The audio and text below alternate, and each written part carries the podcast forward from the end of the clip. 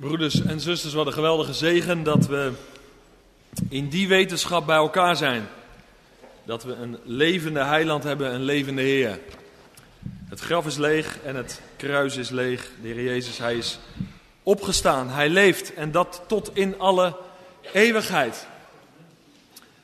En Hij heeft dat leven niet voor zichzelf gehouden, maar Hij heeft dat leven uitgedeeld. En we mogen daar vanavond ook getuigen van zijn. En dat leven, dat uh, wil de Heere God voeden, zodat het ook tot geestelijke volwassenheid komt. En daar wil Hij ook vanavond mee verder gaan.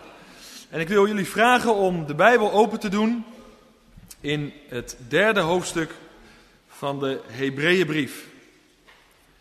De Hebreeënbrief hoofdstuk 3.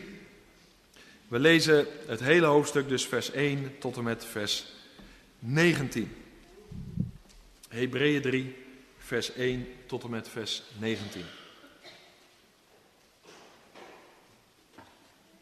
Daar lezen we het volgende. Daarom, en dat slaat dus terug, dat woordje daarom, op de versen die staan vermeld aan het einde van hoofdstuk 2. Daarom, heilige broeders, deelgenoten aan de hemelse roeping. Je zal zo toch maar aangesproken worden op een doordeweekse avond. Indrukwekkend. Let op de apostel en hoge priester van onze beleidenis, Christus Jezus. Hij is getrouw aan God die hem aangesteld heeft, zoals ook Mozes trouw was in heel zijn huis. Want Christus is zoveel meer heerlijkheid waard geacht dan Mozes. Evenals hij die het huis gebouwd heeft, meer eer ontvangt dan het huis zelf. Immers, elk huis wordt door iemand gebouwd. Maar hij die dit alles gebouwd heeft, is God. En Mozes is wel getrouw geweest in heel zijn huis, maar als dienaar om te getuigen van wat er later gesproken zou worden. Christus echter is getrouw over zijn huis als zoon. Zijn huis zijn wij. Als wij tenminste de vrijmoedigheid en de roem van de hoop tot het einde toe onwrikbaar vasthouden. Daarom, zoals de Heilige Geest zegt, heden, indien u zijn stem hoort, verhard uw hart niet. Zoals bij de verbittering op de dag van de verzoeking in de woestijn. Daar hebben uw vaderen mij verzocht. Zij hebben mij op de proef gesteld en mijn werken gezien veertig jaar lang. Daarom ben ik toornig geworden op dat geslacht en heb gesproken, altijd dwalen zij met hun hart en zij hebben mijn wegen niet gekend. Daarom heb ik in mijn toren gezworen, mijn rust zullen zij niet binnengaan. Zie erop toe, broeders, dat er nooit in iemand van u een verdorven hart zal zijn, vol ongeloof, om daardoor afvallig te worden van de levende God. Maar vermaan elkaar, elke dag, zolang men van een heden kan spreken. Opdat met als doel niemand van u verhard zal worden door de verleiding van de zonde. Want wij hebben deel aan Christus gekregen.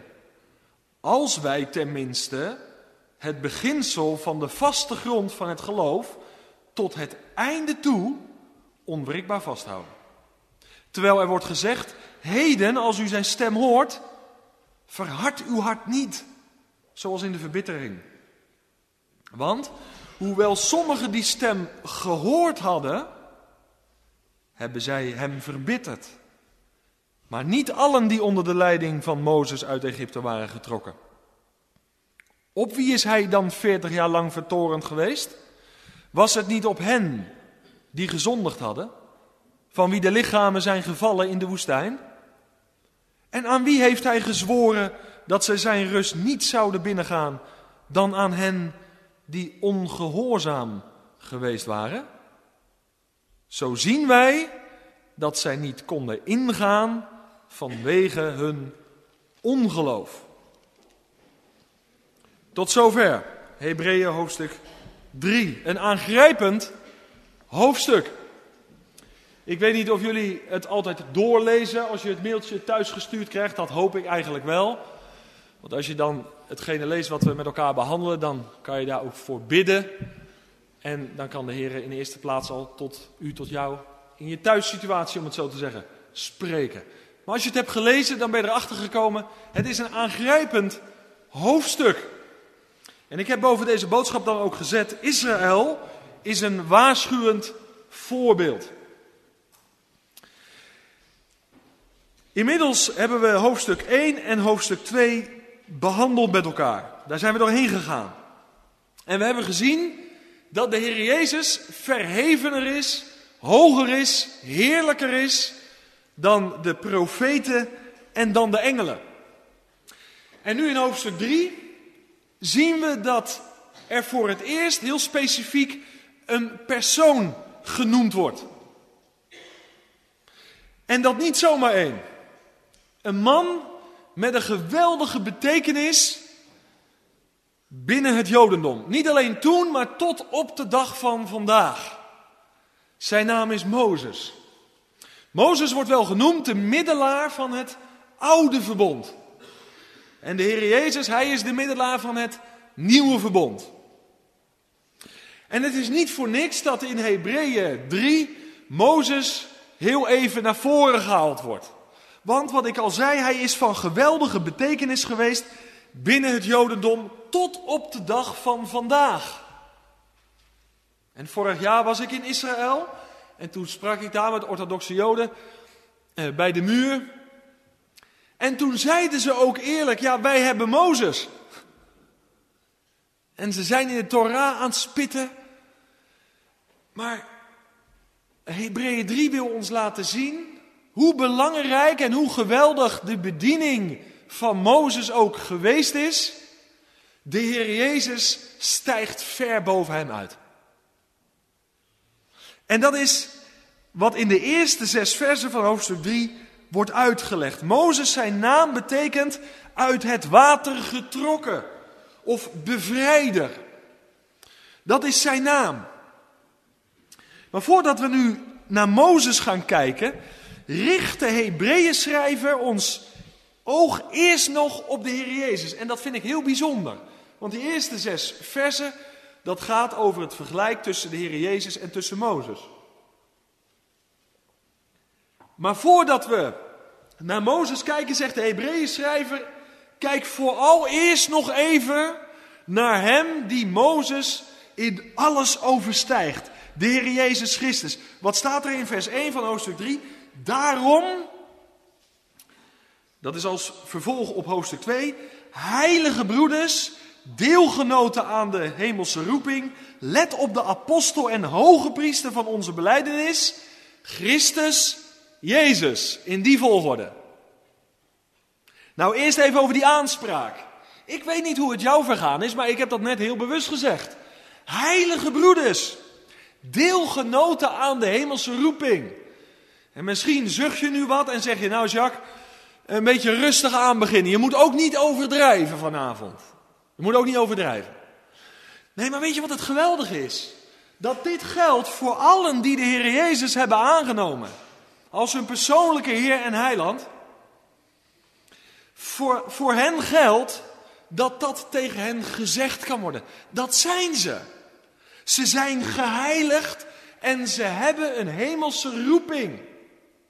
Jij en ik zijn geroepen uit de duisternis tot het wonderbare licht van God.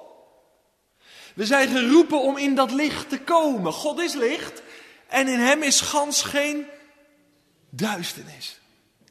En nou zijn wij in dat licht geroepen en we zijn apart gezet voor dat licht. Ten behoeve van dat licht. Om dat licht uiteindelijk weer door te geven. Dat is geheiligd zijn. We zijn apart gezet tot dienstbetoon aan onze Heer en Heiland Jezus Christus. Nou, is dat een bevoorrechte positie of niet? Dat is geweldig. Dat is indrukwekkend, dat is iets om je vanavond over te verblijden. Want dat gaat niet terug op iets in ons. maar dat gaat terug op de persoon en het werk van de Heer Jezus Christus. Dat hebben we via Hem ontvangen en we zijn apart gezet. Zoals in een gezond Bijbels huwelijk de vrouw apart gezet is voor die ene man en die ene man geroepen is en geheiligd is, apart gezet is voor die ene vrouw. En samen vormen zij een unieke eenheid. Zo geldt dat ook voor de Heer Jezus en zijn gemeente. De gemeente van de Heer Jezus is apart gezet voor Hem. Wij leven niet meer voor onszelf, maar voor Hem die voor ons gestorven is en die voor ons is opgewekt. En we hebben een hemelse roeping. Dat wil zeggen, onze roeping komt vanuit de hemel. We zijn van een hele andere orde, om het zo te zeggen, dan de meeste mensen op deze wereld. We zijn vanuit de hemel geroepen om ook een leven te hebben wat op de hemel gericht is. laat je wandel in de hemel zijn. Focus je niet te veel op deze wereld die voorbij gaat. Zoek de dingen die boven zijn. Dat wil zeggen, ons leven heeft een bepaalde koers, heeft een bepaalde richting. Heel deze wereld die leeft voor het hier en voor het nu. De meeste mensen leven voor dat wat voorbij gaat. Maar wij hebben een roeping die gericht is op de dingen die boven zijn. Waar God is, waar Christus is. We zijn gericht op Hem. Heer, zongen we net, U bent ons doel. Wij leven niet voor niks. We hebben een doel op deze wereld. Om tot eer en verheerlijking van Hem te leven.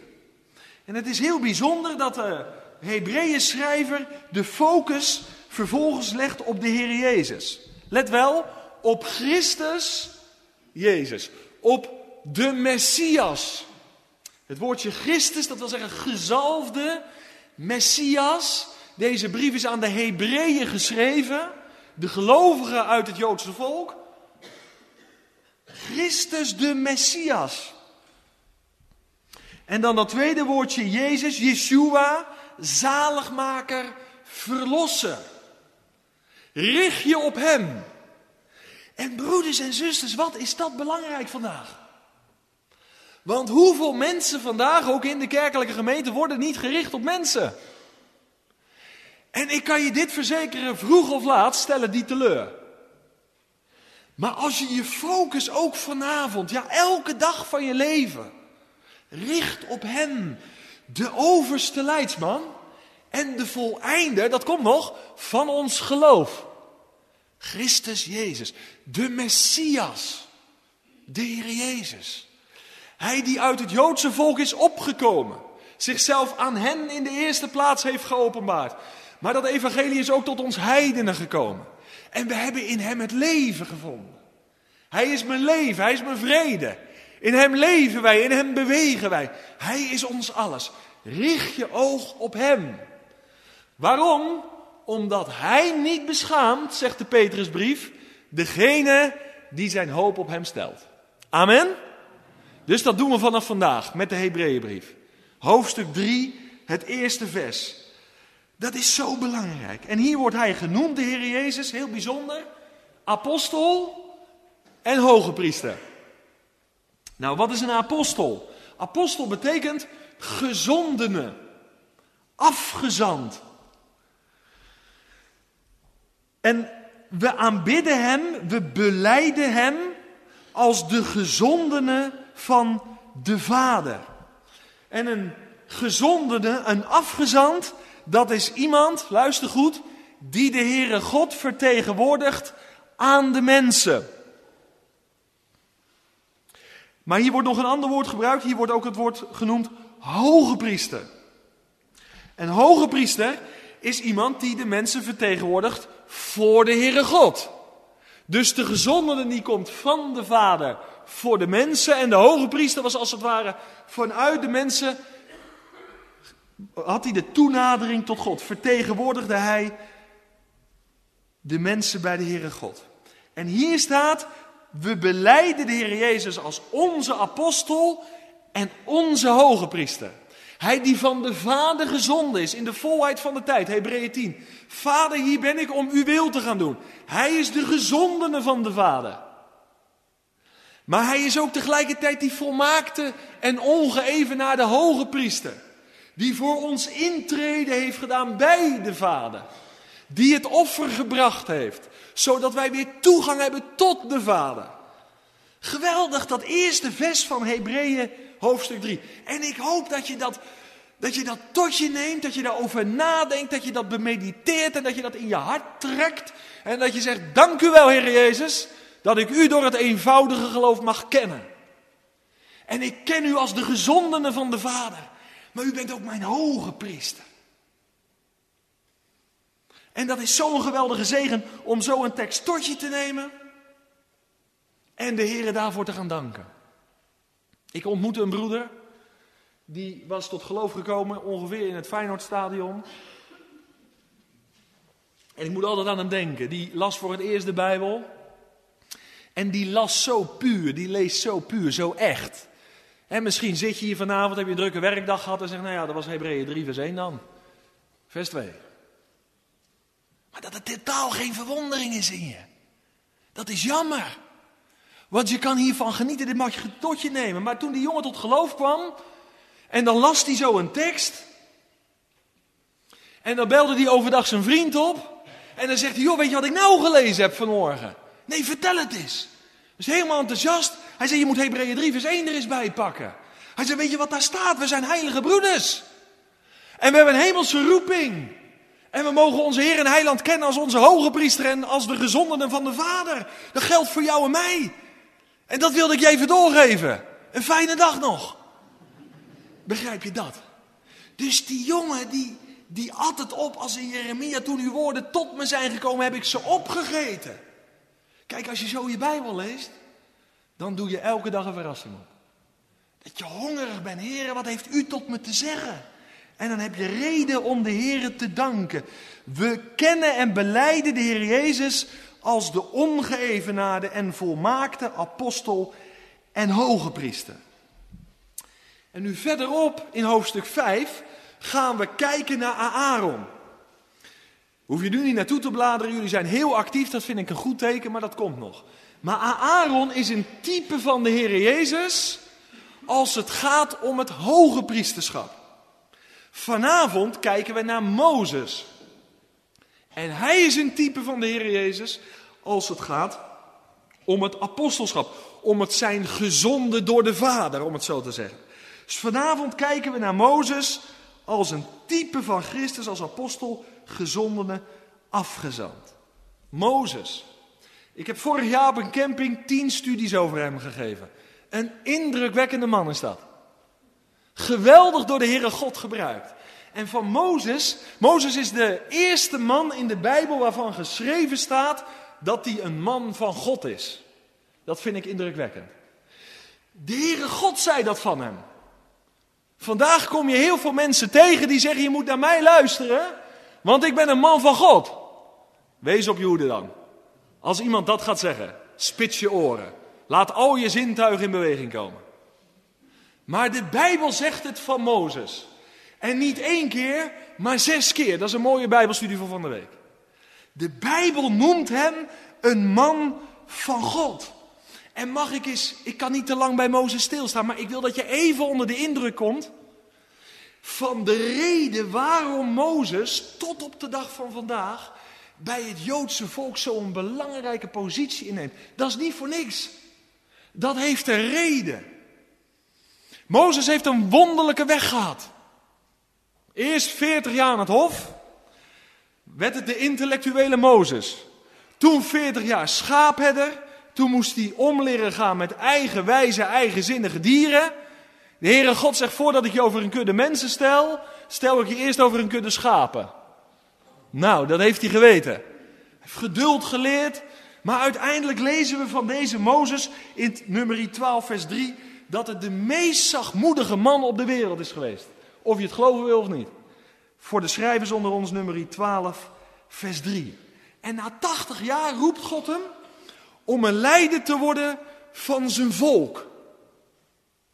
En misschien na die eerste 40 jaar na de vorming aan het hof bij de farao had hij gezegd: Nou ja, ik ben wel geschikt om leider te worden. En na 80 jaar zegt de Heere God: Stuur me een ander, want ik ben helemaal niet geschikt. Dat is altijd de weg die God gaat. Want weet je, dan ben je het meest geschikt voor Hem. Als wij zeggen: Heere God, ik kan het niet meer. Dan zegt hij: Ideaal dat jij het niet meer kan, want nou kan ik wat met je gaan doen. En de Heer heeft hem op een indrukwekkende manier gebruikt. En hij heeft het volk uitgeleid uit het slavenhuis van Egypte.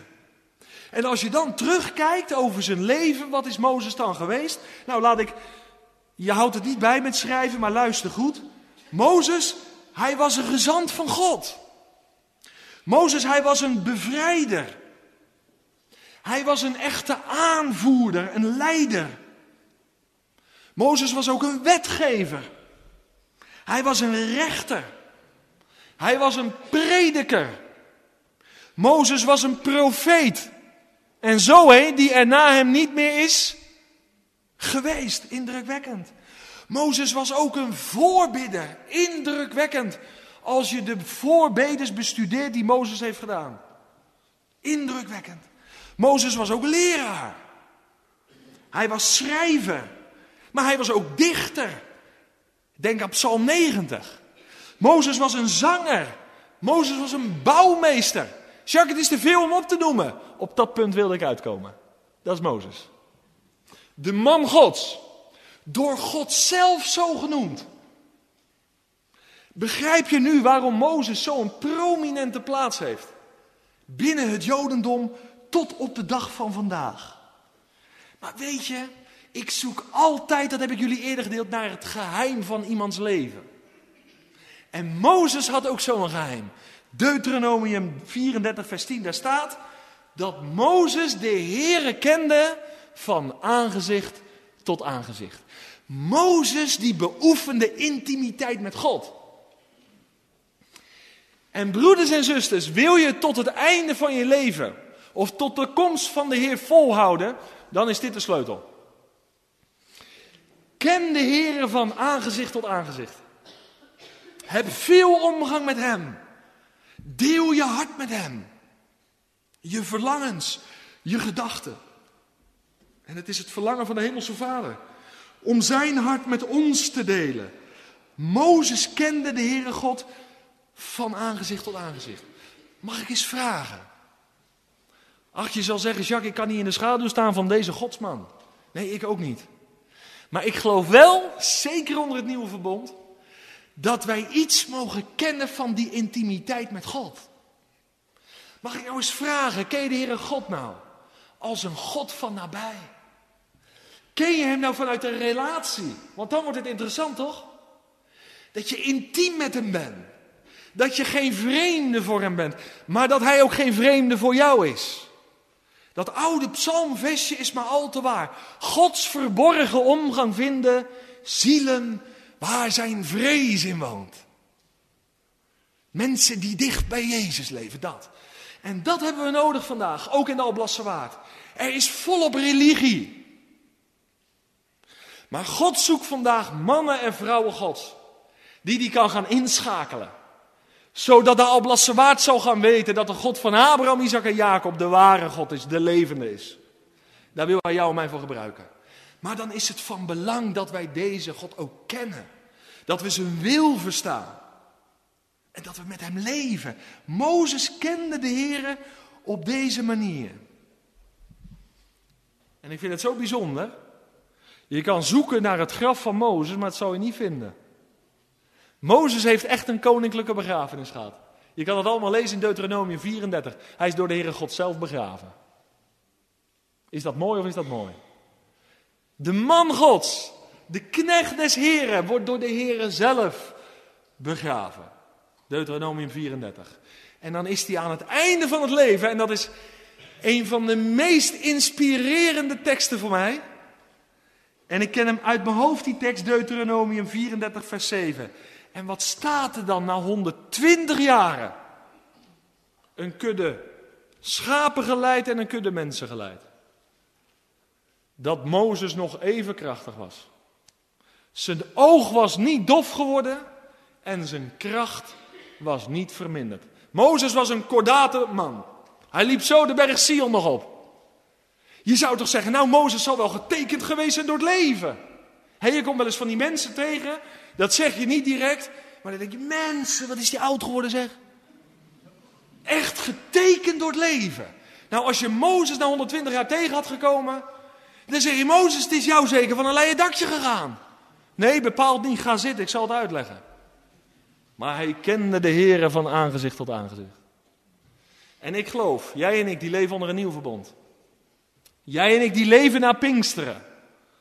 Wij kunnen een leven leven. Dat wij innerlijk van dag tot dag veranderd worden van heerlijkheid tot heerlijkheid.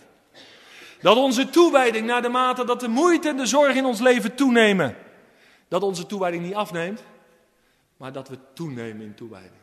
En dat het getuigenis van Mozes ook het getuigenis van ons kan zijn. Aan het einde van misschien een leven vol moeite. Vol verdriet misschien, vol pijn. Maar dat je zegt één ding. Ik heb altijd omgang met de Heer Jezus gehad. Ik heb altijd een gemeenschap met Hem gezocht. En dat heeft mijn innerlijk, oh ja zeker, mijn uiterlijke mens, daar is het een en ander om aan te merken misschien. Maar innerlijk ben ik vernield. Van dag tot dag. Is dat mooi of niet? Dat is toch een bemoediging vanavond. Dat is het leven wat de Heer ons wil geven. Nou, deze dienaar, die ik maar in korte trekken kon schilderen en schetsen vanavond. Maar waarvan ik hoop dat je in ieder geval zegt, ja Jacques, nou is het wel duidelijk dat hij een prominente plaats heeft. Binnen het Jodendom, tot op de dag van vandaag. Begrijp je nu dat het voor een Jood best heel moeilijk is? Om als er zo'n indrukwekkend leidinggevend figuur is geweest binnen de geschiedenis van je volk. Om dan de Heer Jezus daar nog bovenuit te laten stijgen. Kan je het een beetje begrijpen, als mens? En toch gaat de Hebreeën schrijver een poging doen. Om uit te leggen, Hebreeërs. Ik begrijp jullie ontzag voor Mozes. Hij was een man van God. En wie zou in zijn schaduw kunnen staan? Maar er is er toch één. En dat is mooi hè, van die Hebreeën schrijver. Hij stoot door tot op de kern tot op de man die boven alles en iedereen uitstijgt. Christus, Jezus, de Messias. Nou, in Hebreeën 3, vers 2 tot en met 6 wordt deze invloedrijke dienaar van God vergeleken met de zoon van God. Nou, daar heb je al gelijk een verschil. De ene was een dienaar van God.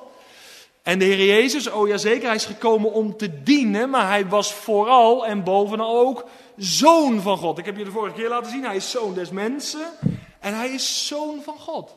Dat waren twee verschillende dingen. Ik hoop dat je dat nog helder hebt. Nou, wat zijn de overeenkomsten?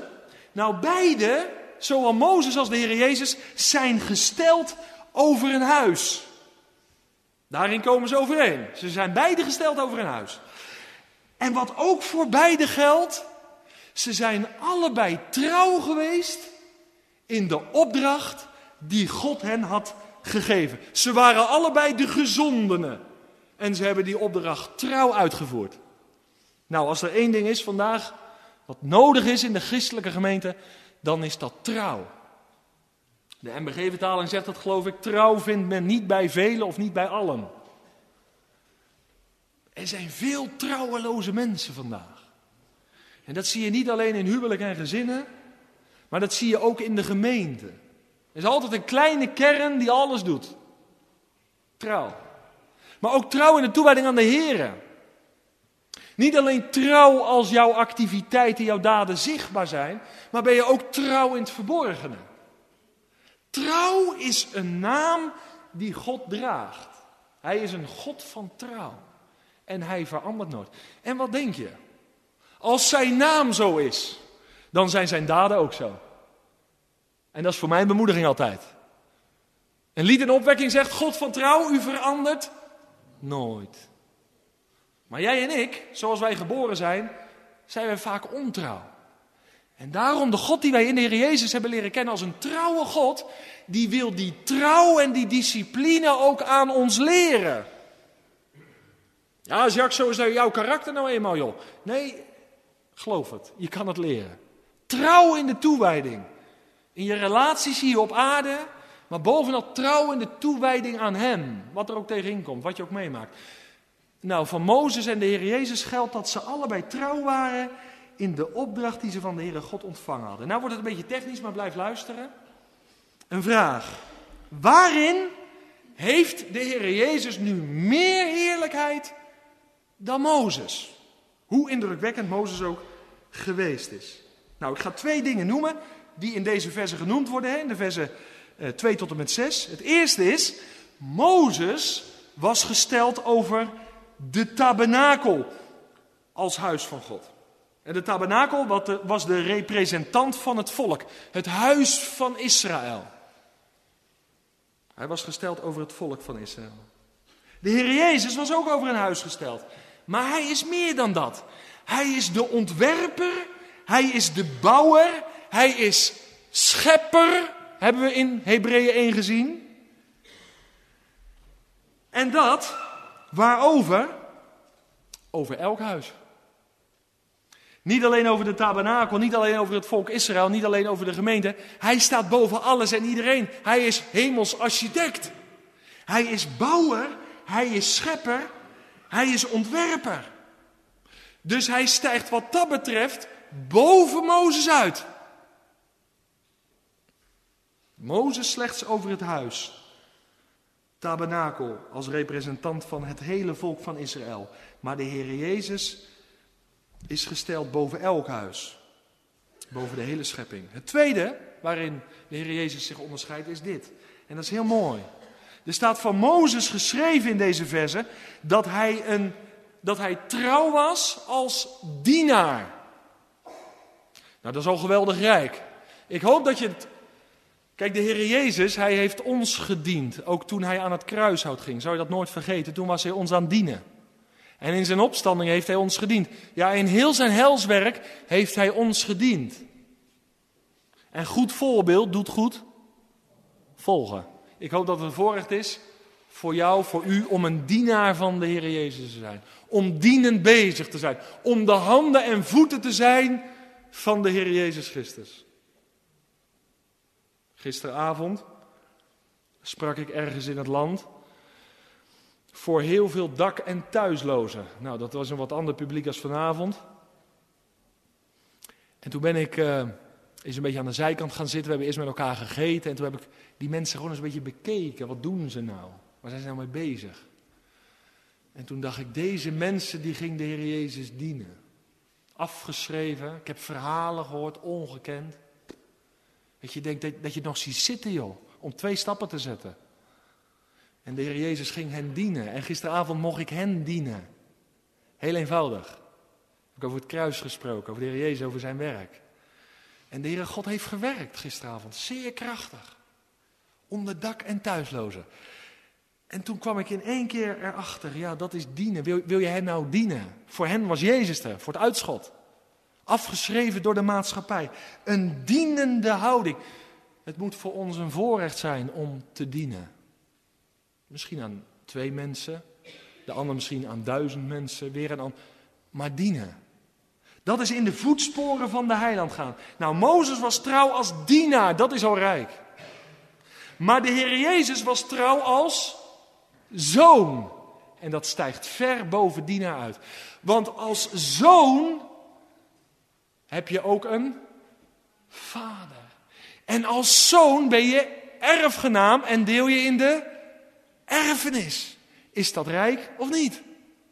Dus de Heer Jezus, hij is trouw geweest als zoon. En hij steeg ver boven alles en iedereen uit. Blader nou met mij even naar de Galatenbrief.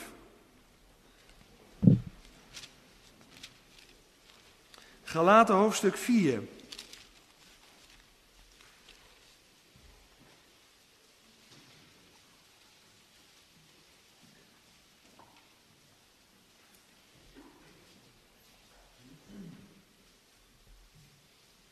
Want wat geldt nou voor jou en mij? Die leven onder het nieuwe verbond. Die de Heer Jezus kennen als hun persoonlijke Heer, als hun persoonlijke heiland. Die de Heilige Geest in hun hart hebben ontvangen. Nou, word je, ik heb je al bemoedigd vanavond. Maar we krijgen nog meer bemoediging. Alsof het nog niet genoeg is. Zodat je echt opgebouwd en toegerust naar huis gaat. Dankbaar voor wat de Heer Jezus in, voor en met jou heeft, heeft gedaan. Wat staat er in Galaten 4 vers 6? Nu,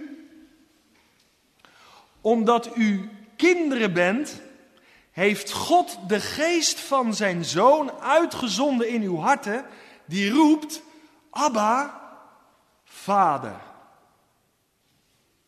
Spreek je zo met de Heere God? Mozes was geweldig bevoorrecht als dienaar, waar of niet? En daarin was hij trouw. De Heere Jezus was trouw als zoon.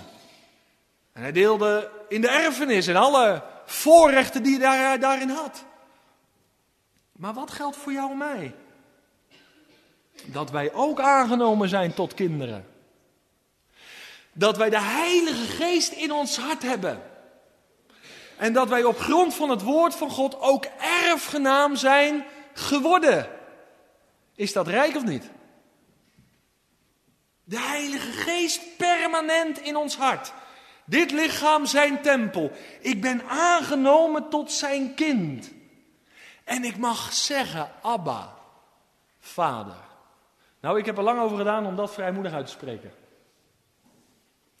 Ik hield het maar op heren. Het was toch iets veiliger. Ik bedoel dat niet spottend. Maar voordat ik in mijn leven, ik ben in 2000 tot geloof gekomen, totdat ik tot die intimiteit kwam van vader. Dat heeft even geduurd, want ik, ik kon er maar niet bij. En ik dacht, wie ben ik om vader te zeggen?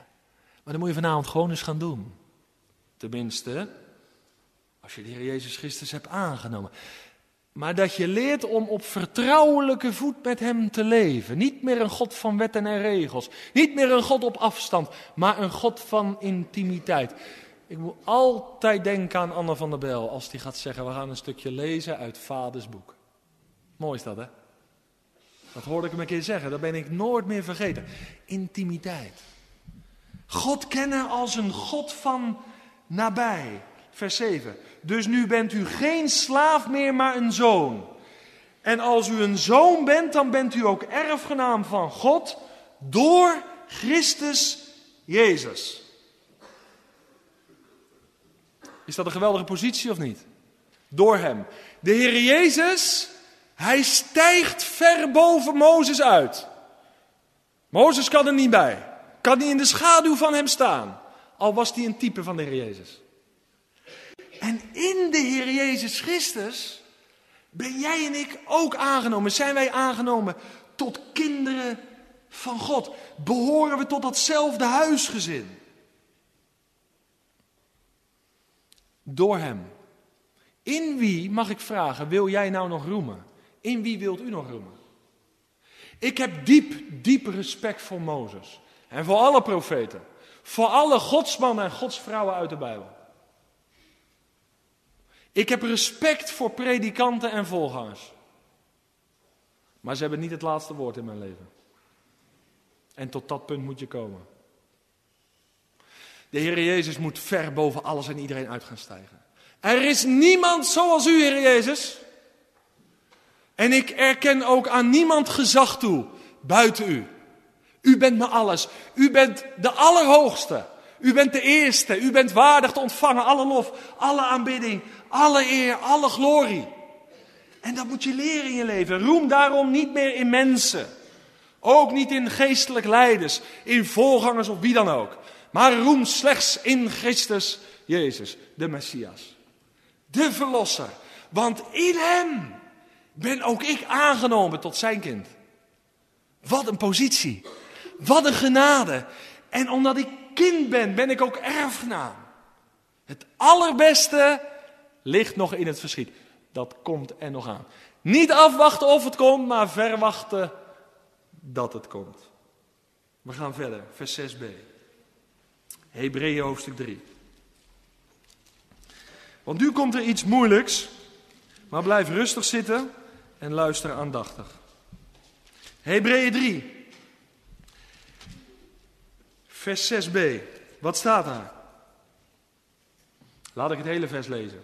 Christus is echter getrouw over zijn huis als zoon. Zijn huis zijn wij, de gemeente, Jood en Heiden. Als wij, daar komt hij, tenminste de vrijmoedigheid en de roem van de hoop tot het einde toe onwrikbaar vasthouden. Dat is een belangrijke zin. Dat tweede gedeelte van vers 6. Heel belangrijk. De Hebreeën schrijver, die benadrukt hier de volharding van de gelovige Hebreeën. Die gelovigen worden opgeroepen om te volharden. En laat het duidelijk zijn, dat doet niks af aan het hoge priesterschap van de Heer Jezus Christus, van zijn voorbeden en noem maar op. Dat is me bekend. Maar daar ligt het accent vanavond niet. Het accent ligt op de volharding van de gelovige Hebreeërs. En over hun hoofden heen de volharding, de opdracht daartoe aan jou en mijn adres. Want hier staat om tot het huisgezin van God, luister goed, te blijven behoren, is het vasthouden van vrijmoedigheid. Dat wil zeggen vertrouwen, verzekerdheid. En het vasthouden van de hoop. En dat wil natuurlijk voor de Hebreeën zeggen de verwachting van de komst van de Heer Jezus, de wederkomst, de komst van het Messiaanse vrederijk. Het vasthouden daarvan is van groot belang. Is dat duidelijk? Dat is de voorwaarde die hier gesteld wordt. Tenminste, als u de vrijmoedigheid en de roem van de hoop vasthoudt. De gelovige Hebreeën, die liepen het gevaar, en dat gevaar kan jij en ik ook lopen, om terug te vallen in hun oude leven, waarin Mozes meer werd dan de Heer Jezus. En dat is vandaag nog een gevaar, en ik herken het uit mijn eigen leven. Toen ik net tot geloof kwam, toen was ik zo gebonden aan mensen. Als die maar goed over me sprak, en als die mijn getuigenis maar overnam, en bij die mensen ging ik zo gekleed, en bij die mensen ging ik zo gekleed. Ik wilde allemaal de instemming van mensen hebben, totdat mijn vrouw zei, mijn vriendin destijds nog, hé, hey, je lijkt wel een chameleon. En toen ontdekte ik in één keer, ik, wil slechts, ik moet slechts de instemming van mijn hemelse vader hebben. Zijn goedkeuring over mijn leven. En er viel een pak van me af. Sta dan in de vrijheid waarmee Christus u vrijgemaakt heeft. Begrijp je? We moeten leven dicht bij de bron. Er zijn zoveel omstandigheden en situaties, maar ook personen die ons weg kunnen trekken bij Hem die het leven is. Zou dat goed onthouden? En dat kunnen soms hele eerbiedwaardige mensen zijn geweest. Waar je respect voor mag hebben. Waar je respect voor moet hebben. Die een bepaald gezag hebben. Maar ze kunnen nooit boven de Heer Jezus gesteld worden. En er waren wat mensen in mijn leven die hier meepraten. Die meekeken. Die gezag hadden in mijn leven. Maar die dat recht niet hadden. Wat een bevrijding, hè? Die dan de Heer Jezus alleen over mag houden. En weet je hoe ik het geleerd heb met schade en schande? Vaak door pijnlijke wegen, door teleurstellingen heen om Hem alleen over te houden, opdat ik Hem kenne. En de kracht van zijn opstanding. Om alleen maar uit Hem te leven en bij Hem te leven en door Hem te leven en tot eer van Hem te leven. Hij is mijn alles. Hij is mijn leven, de Heer Jezus. Hij stijgt boven alles en iedereen uit. En nou wordt het verder uitgewerkt. In deze brief die zijn, daar lezen we van verschillende waarschuwingen. De eerste waarschuwing lezen we, die hebben we al gehad in hoofdstuk 2, het eerste vers. Dat was de waarschuwing eh, met betrekking tot het gevaar om af te drijven van Christus en zijn woord. De tweede waarschuwing in deze brief, dat is het gevaar, en dat staat dan in vers 7 tot en met vers 19, waar we nu heen gaan. Dat is het gevaar van verharding en ongeloof. En dat gold niet alleen voor de Israëlieten destijds, dat geldt vandaag nog voor elke gelovige. Het gevaar van verharding en ongeloof. En de Hebreeën schrijven werkt dat dus uit in de versen 7 tot en met vers 19.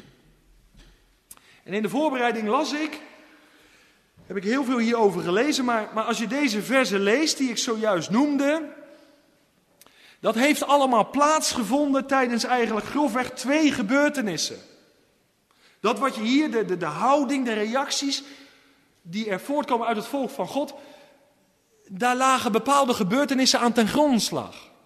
Nou, welke waren dat? Ik noem er twee. Het ging om, om, de, om Exodus 17, waar we lezen over de oneenigheid en het op de proef stellen van de Here bij Massa en Meriba. Hier wordt dat woord niet genoemd. In vers 8 lezen we over verbittering.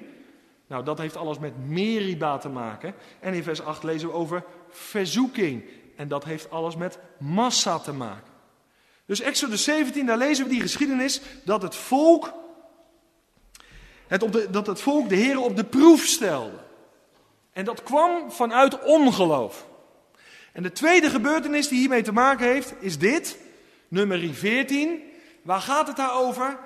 Daar gaat het over de opstand van het volk van God nadat het merendeel van de verspieders een negatief verslag had uitgebracht over de inname van Cana. Want tien van de twaalf zei dat wordt niks. En twee zeiden er, als de Heer ons dat land gegeven heeft, beloofd heeft, dan zal het gelukken. Jozua en Caleb. Maar toen dat overwegend negatieve verslag kwam, toen kwam het volk in opstand. In rebellie.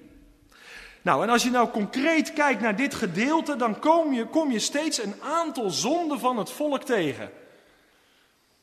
Er, waren dus, er was dus rebellie, er was opstand door deze gebeurtenissen onder het volk. En welke zonden worden dan concreet? Welke zonden komen er dan onder onder het volk openbaar? En dat is belangrijk straks voor ons leven. Nou, in de eerste plaats lezen we onder andere in vers 8, in vers 13 en in vers 15 over de verharding van hun hart. Hoe komt dat? Nou, verharding van hun hart kwam doordat ze de Heere God zijn waarschuwingen in de wind sloegen en zijn liefde afwezen. Ze sloten zich daarvoor af. Dat is aangrijpend. Als de Heere God waarschuwt en je wijst een waarschuwing af.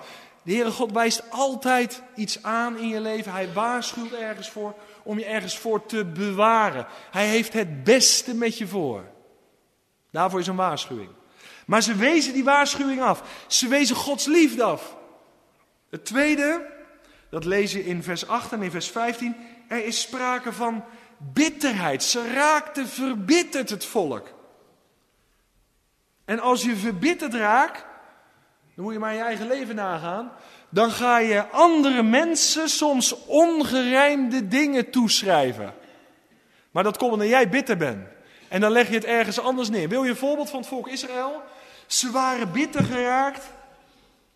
En ze zeiden eigenlijk tegen de Heere God: Ja, u heeft ons wel uit Egypte verlost. Maar uw plan is om ons in de woestijn te laten sterven. Bitterheid, en waar leggen ze het neer? bij de Heere God. Maar de Heere God had hen uit Egypte, uit het slavenhuis bevrijd, om hen in Canaan in te leiden. Dat was zijn doel. Maar hem werd verweten, u wilt ons in de woestijn laten sterven. En met dat eten, wat altijd hetzelfde is, daar hebben we het ook al mee gehad. Verbittering, en dan kan je de Heere God en mensen ongerijmde dingen toeschrijven. Dat was ook een zonde, de tweede. Aangrijpend.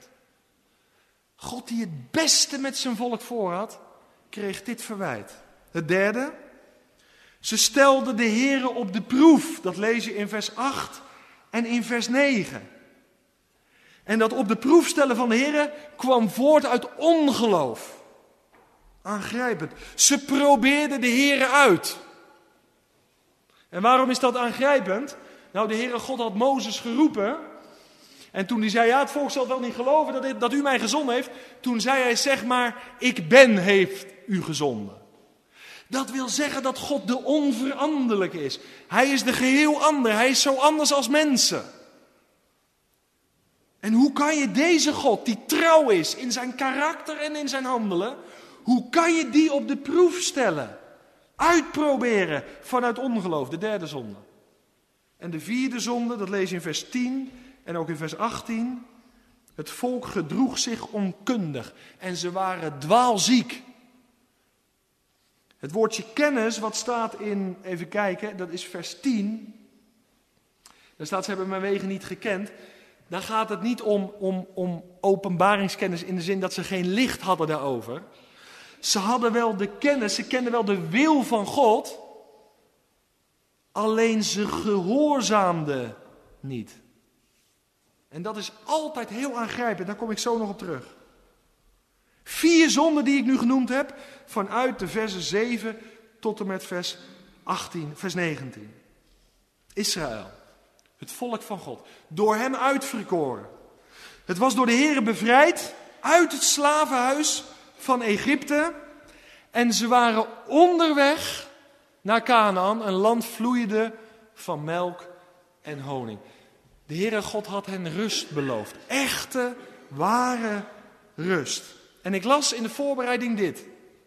Ik weet het niet, ik heb het niet nagerekend, maar de reis had elf dagen kunnen duren. Met andere woorden, ze hadden er in elf dagen kunnen zijn, maar ze hebben er veertig jaar over gedaan.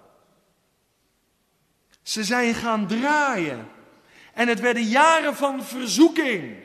En het werden jaren van beproeving. Maar luister goed. Het waren ook jaren waarin de Heere God zijn almacht en zijn heerlijkheid, zijn majesteit toonde, zijn glorie toonde aan zijn volk. Moet ik een paar dingen noemen? Hij leidde hen door de zee.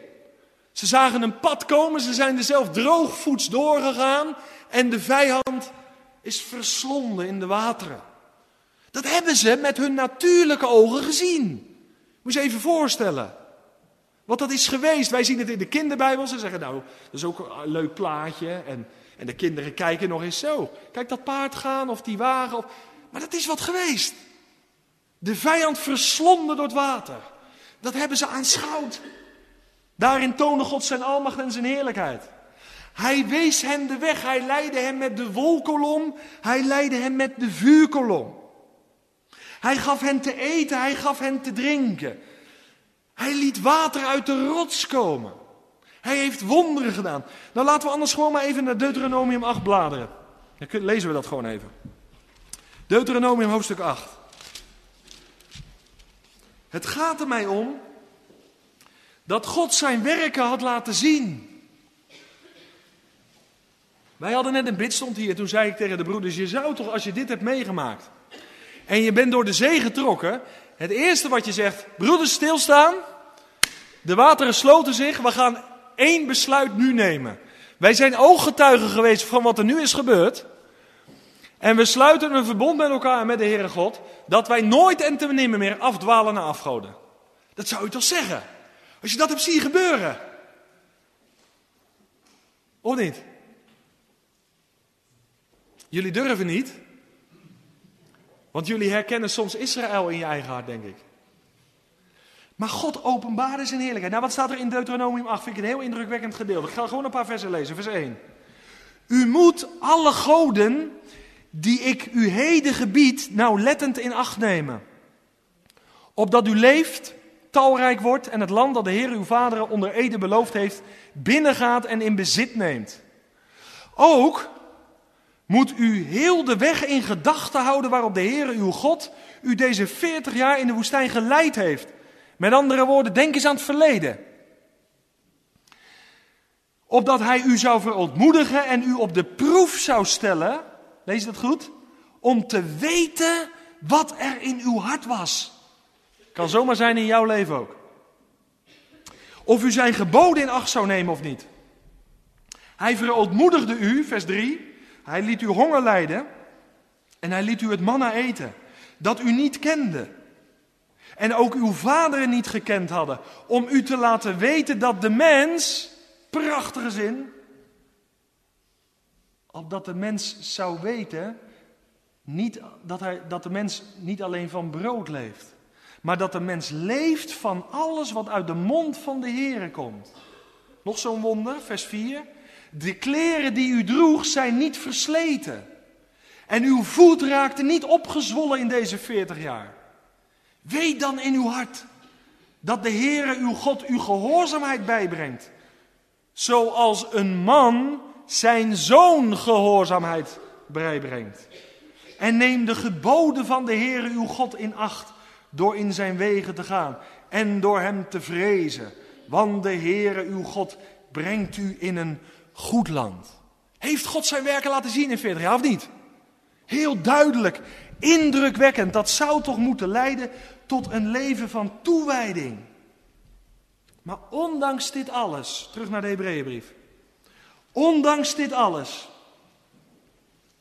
geldt dat het overgrote deel van het volk Canaan de rust niet is ingegaan. Met uitzondering van Caleb en Jozua en allen die bij hen hoorden. En hoe komt dat? De Bijbel zegt dat dat te maken heeft met ongeloof en ongehoorzaamheid. Het volk, dat lees je in vers 18 en 19, heeft bitterheid in hun hart toegelaten. En bitterheid in hun hart leidde tot ongehoorzaamheid. En ongehoorzaamheid heeft alles te maken vanuit het Hebreeuwse denken met ongeloof. Dat is heel belangrijk. Dat hoort bij elkaar. En weet je wat nou het aangrijpende. Nou trouwens dit. Wat is de grootste zonde, denk je?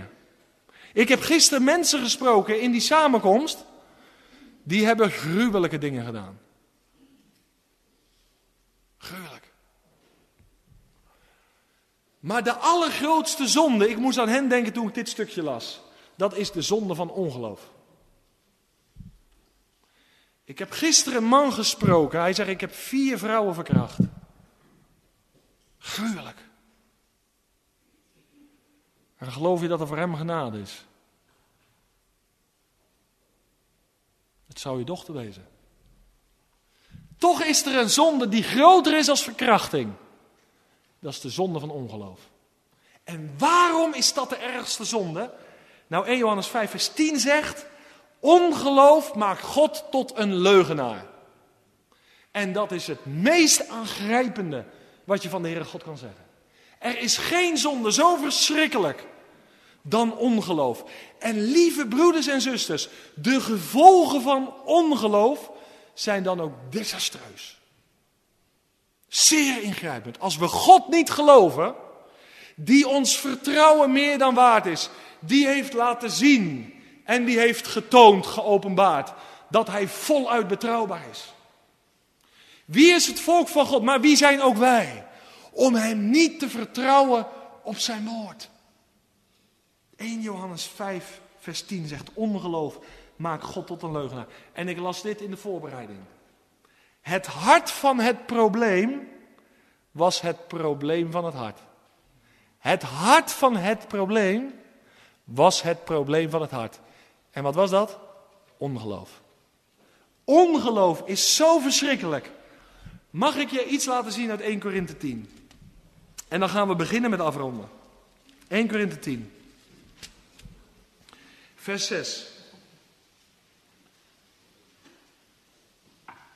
Want nu zeg je natuurlijk, ach, dat volk Israël. Zoveel tekenen en wonderen gezien. Hoe kan je het in je hoofd halen om deze God die zich geopenbaard heeft als de ik ben die ik ben, om hem niet te vertrouwen? Ja, pas op voor wat je zegt. We gaan even samen in 1 Korinthe 10 kijken. Want wat staat daar? Verhef je niet boven het volk van God. Integendeel, verhef je er niet boven. Wat staat in 1 Korinthe 10, vers 6? En deze dingen zijn gebeurd, hè, dat gaat allemaal over de geschiedenis van het volk van Israël, als voorbeelden voor ons, opdat wij niet zouden verlangen naar kwade dingen, zoals ook zij verlangd hebben. Vers 7. En wordt geen afgodendienaars, zoals sommige van hen. Zoals geschreven staat, het volk ging zitten om te eten en te drinken. En zij stonden op om te feesten. En laten wij geen hoererij bedrijven. Zoals sommigen van hen hoererij bedreven hebben. En op één dag vielen er 23.000.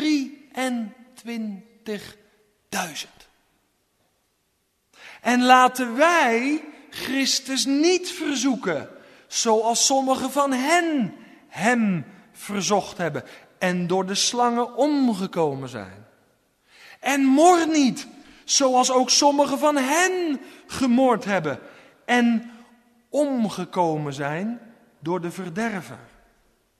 Al deze dingen nu zijn hun overkomen als voorbeelden voor ons.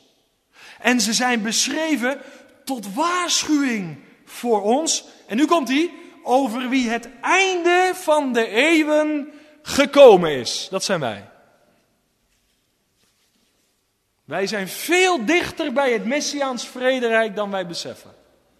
Wij zijn veel dichter bij de wederkomst van de Heer Jezus Christus als wij beseffen. En hoe wordt God op dit moment, ook in onze maatschappij, maar ik vrees ook in heel veel kerken, verzocht op dit moment? En daarom staat er in vers 12, daarom wie denkt te staan, laat hij oppassen dat hij niet valt. Broeders en zusters, laat dat heel diep in je hart indalen. We kunnen naar het volk van God kijken en zeggen, ach, wat een tobbers zeg. Dat ze het niet gezien hebben.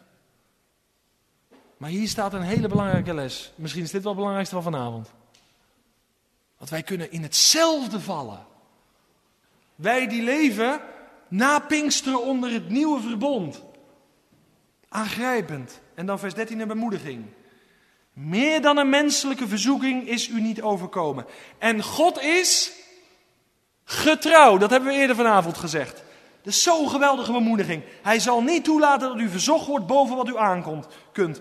Maar hij zal met de verzoeking ook de uitkomst geven om die te kunnen doorstaan.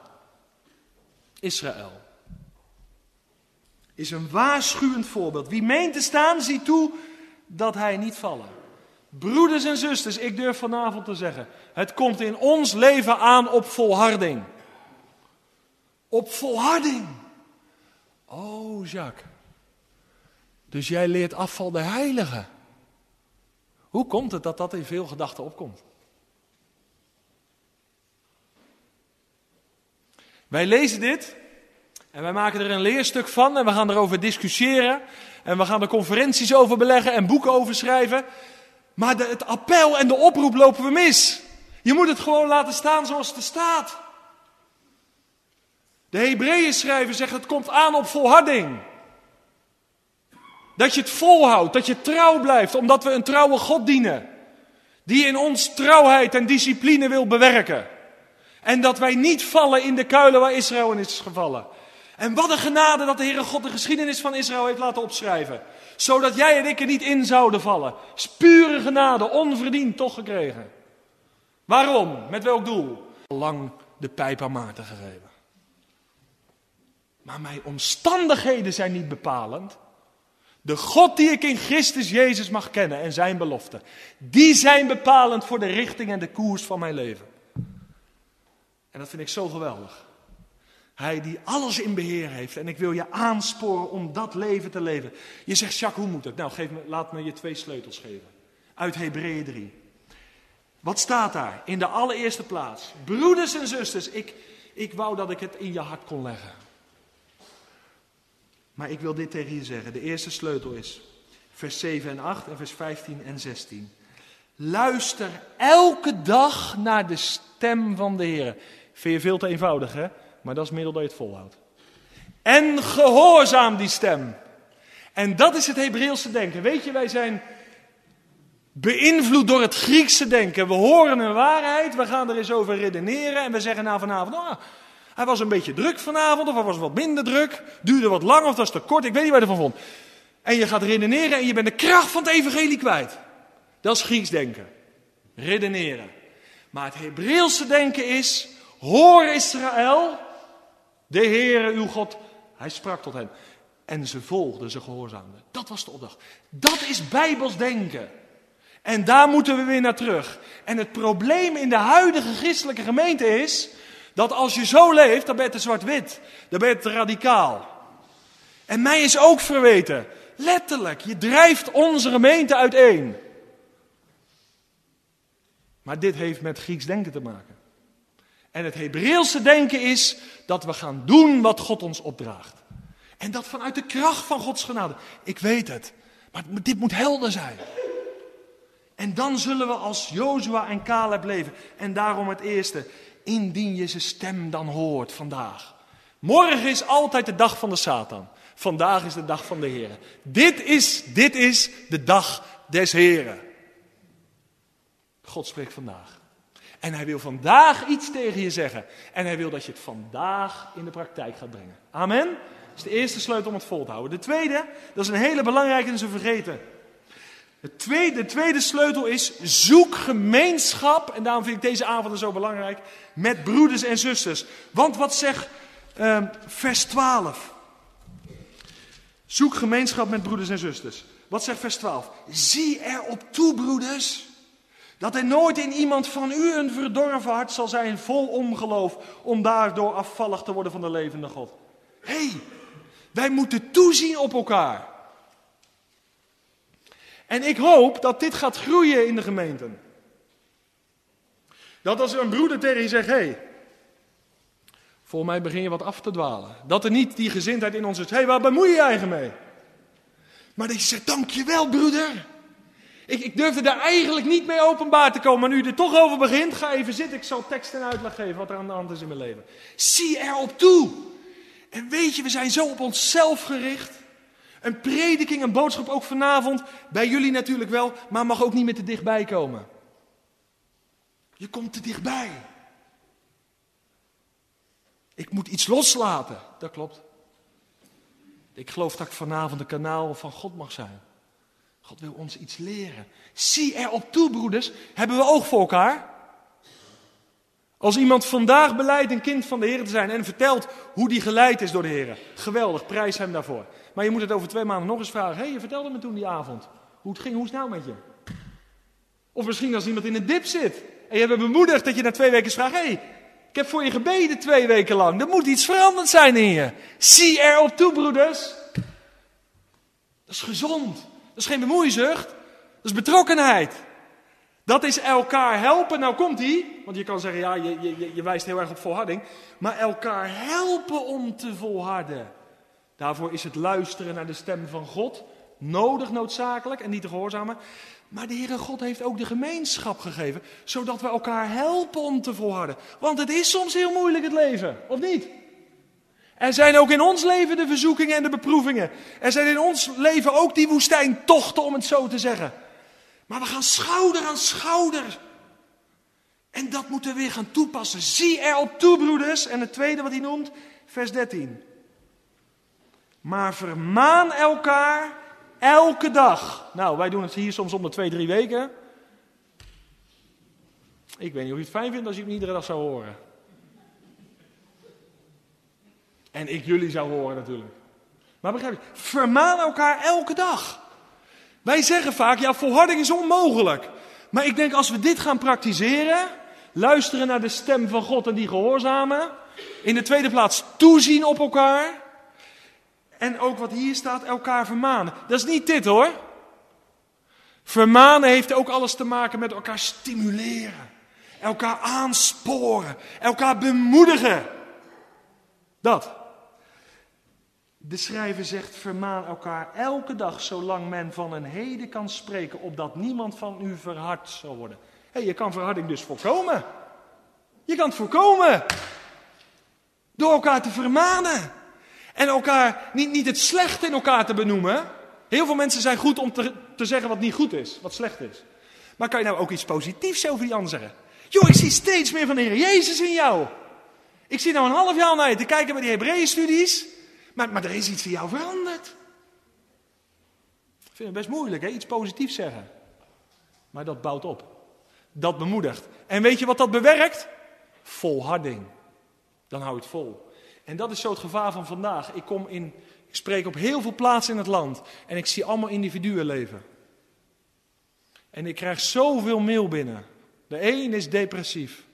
De ander is, de ander is, en ze staan allemaal op alleen. En ze houden het niet vol. Ze zeggen, Jacques, onderwijs ons, hoe houdt het vol? Nou, de gemeenschap met elkaar is één van de redenen waardoor het voort. Het is toch heerlijk samen zingen, of niet? Je wordt toch opgebouwd? En dan is het misschien niet helemaal je muziek, of misschien is het dit. Moet je even laten liggen. Zing nou eens wat er staat. En zeg, Jezus, dank u wel dat we zo bij elkaar zijn. In een tijd van individualisme. Zit niet zo op punten en komma's te letten. Maar geniet nou het goede ten dagen van de voorspoed. En bouw elkaar op. Bemoedig elkaar, vermaan elkaar. En dan hou je het vol. En dan doe je verrassende dingen op. Als je je hart met elkaar gaat delen. Ik moet nu echt gaan afsluiten. De tegenstander. Hij wil niet dat wij vandaag in de rust leven. En hij wil niet, luister nog even goed, dat wij straks de eeuwige heerlijkheid ingaan. Maar laten wij, broeders en zusters, en dit komt rechtstreeks uit mijn hart. Laten wij, hoe onze omstandigheden ook zijn. Ook wij kennen die woestijntochten. Maar hoe onze omstandigheden ook zijn, laten wij God maken tot de bron van ons leven. Psalm 84, vers 7. Al gaan zij door het dorre dal van moerbijbomen. Ze maken God tot hun bron. Een bron die nooit uitdroogt, altijd dezelfde is en voorraad heeft. Twee. Laten we elkaar helpen. Laten we elkaar helpen. De ene is nou eenmaal verder in de weg, op de weg met de Heer dan de ander. Maar laten we elkaar helpen om dagelijks dicht bij de bron te leven. Te stimuleren om het woord te onderzoeken. Ook op avonden als deze. Neem anderen mee. En zeg tegen iemand misschien die altijd zit te klagen, het is zo moeilijk en het lukt me niet. En jij bent altijd zo enthousiast. Kom, ga met ons en doe als wij. Ga zitten, luister, je hoeft niks te doen, je krijgt het zo gratis aangereikt. Mensen meenemen, stimuleren om dicht bij de bron te leven. Hou de belofte van jezelf voor, spreek jezelf aan. O mijn hopeloze ziel, hoop op God, want ik zal hem nog loven. Je moet jezelf wel eens aanpakken, ik ook. Zeg, kom op Jacques, deze kant op. Niet allemaal kijken naar de omstandigheden. Je ziel aanspreken, zoals de psalmdichter dat deed. En zoek veel de gemeenschap met God. Het gebed. En laten we met Nehemia beleiden. Vind ik zo indrukwekkend altijd. Nehemia die zoveel over zich heen kreeg. Wat zegt hij? De vreugde van de Heere is mijn kracht. Ik vind mijn kracht niet meer in mensen. Ik vind mijn kracht niet in omstandigheden. Ik heb God tot de bron van mijn vreugde gemaakt. En Hij is mijn krachtbron. Hij is als dynamiet in mijn leven. Hij zet me in beweging. En Hij zorgt ervoor dat ik uiteindelijk thuis kom. En misschien zegt iemand. Ja, kan je me nog één belofte geven om mee naar huis te gaan? Want die volharding dat kwam wel binnen vanavond. Dan ben ik zelf altijd zo bemoedigd door 2 Kronieken 16 vers 9. Ik haal het vaak aan, maar ook vanavond. Kijk, weet je waar ik moeite mee heb, wat ik niet begrijp? Laat ik dat eerlijk zeggen vanavond. Als je vanavond zegt, ik leef oprecht met de Heer. Ik heb een vrij geweten naar God toe en mensen. Dan heb je toch helemaal geen moeite met de oproep om te volharden in de navolging van de Heer Jezus.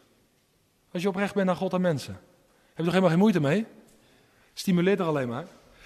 Ik denk dat heel veel mensen er moeite mee hebben die iets te verbergen hebben. Want als je vrij bent in je geweten, dan zeg je Jacques bedankt. Ik ga in diezelfde stroom mee. Nou, 2 Kronieken 16 zegt daar iets van, vers 9. Want de ogen van de Heer trekken over de hele aarde om zich sterk te bewijzen, om zich krachtig te maken aan hen van wie het hart volkomen is met hem. Dat is de voorwaarde. Broeders en zusters, ik schrik niet af door een appel van volharding. Omdat ik weet dat daar waar God mij toe oproept, luister goed, daarvoor stelt Hij ook de middelen beschikbaar. Amen? Heel belangrijk. Als Hij roept tot volharding, oproept tot volharding. En om niet bitter te worden maar om te volharden. Dan schenkt hij ook de middelen. En wat zijn die middelen? De beloften van God die in Christus Jezus ja en amen zijn. Als jouw hart volkomen is tot mij, zegt de God van Abraham, Isaac en Jacob, dan zal mijn kracht zich in jou openbaren. En dan hou je het vol. Alleen de vraag is, is ons hart volkomen tot God? Of ben je dubbelhartig geworden? En lieve broeders en zusters, als je dubbelhartig bent, als je een dubbele agenda hebt, dan zal de geestelijke kracht uit je ziel verdwijnen. En dan moet je bekeren vanavond. Maar als je niet dubbelhartig bent en een vrij geweten naar God en mens hebt, dan zeg je, Heer Jezus, dank u wel voor die genade. Soms zie ik het niet zitten. Ik ga door bergen en in dalen, maar overal is God. Is dat mooi of niet? En overal is uw kracht beschikbaar. Maar ik heb één verantwoordelijkheid. dat ik niet dubbelhartig word. Maar dat ik helemaal op mijn God gericht ben. En dat wil ik je toewensen, dat wil ik je toebidden, dat wil ik dat je dat je eigen maakt. Moeite en teleurstellingen, zorgen en noden, die zullen er zijn. Tot het einde toe. Maar de kracht van Gods genade stijgt ver uit. Boven elke beproeving, boven elke verzoeking. Want de beloften van God zijn in Christus Jezus. Ja en amen. En ik zeg er van harte amen op. Amen. Laten we een moment nemen om de Heer te danken voor dat wat Hij gaf. Spreek je vrijmoedigheid. Wees vrijmoedig. Dank de Heer, loof de Heer voor wat Hij gegeven heeft in zijn woord. Maak Hem groot. Dan zal ik afsluiten.